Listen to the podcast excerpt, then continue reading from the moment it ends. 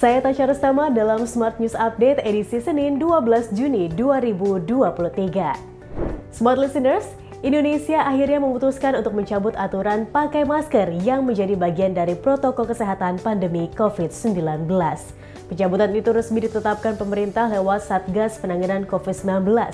Pencabutan itu mencakup kewajiban penggunaan masker ketika melakukan perjalanan dalam dan luar negeri serta saat kegiatan di fasilitas publik dan berskala besar. Juru bicara penanganan COVID-19 Wiku Adhisa Smito menjelaskan alasan pemerintah mencabut aturan wajib pakai masker tersebut salah satunya adalah data yang menunjukkan perkembangan kasus harian COVID-19 di dunia sejak awal 2023 hingga 8 Juni 2023 yang mengalami penurunan. Berita selanjutnya, Gubernur Bali Iwayan Koster akan melarang aktivitas wisata termasuk pendakian semua gunung yang berada di Bali sebab gunung di Bali termasuk dalam kawasan yang disucikan. Larangan pendakian itu katanya akan dibuat menjadi peraturan daerah.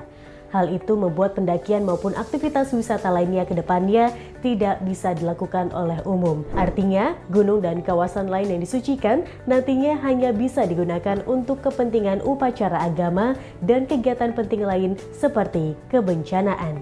Berita terakhir, Menteri Energi dan Sumber Daya Mineral Arifin Tashrif mengungkapkan penentuan lokasi penyedotan hasil sedimentasi berupa pasir laut untuk ekspor akan diatur dalam keputusan Menteri Kelautan dan Perikanan.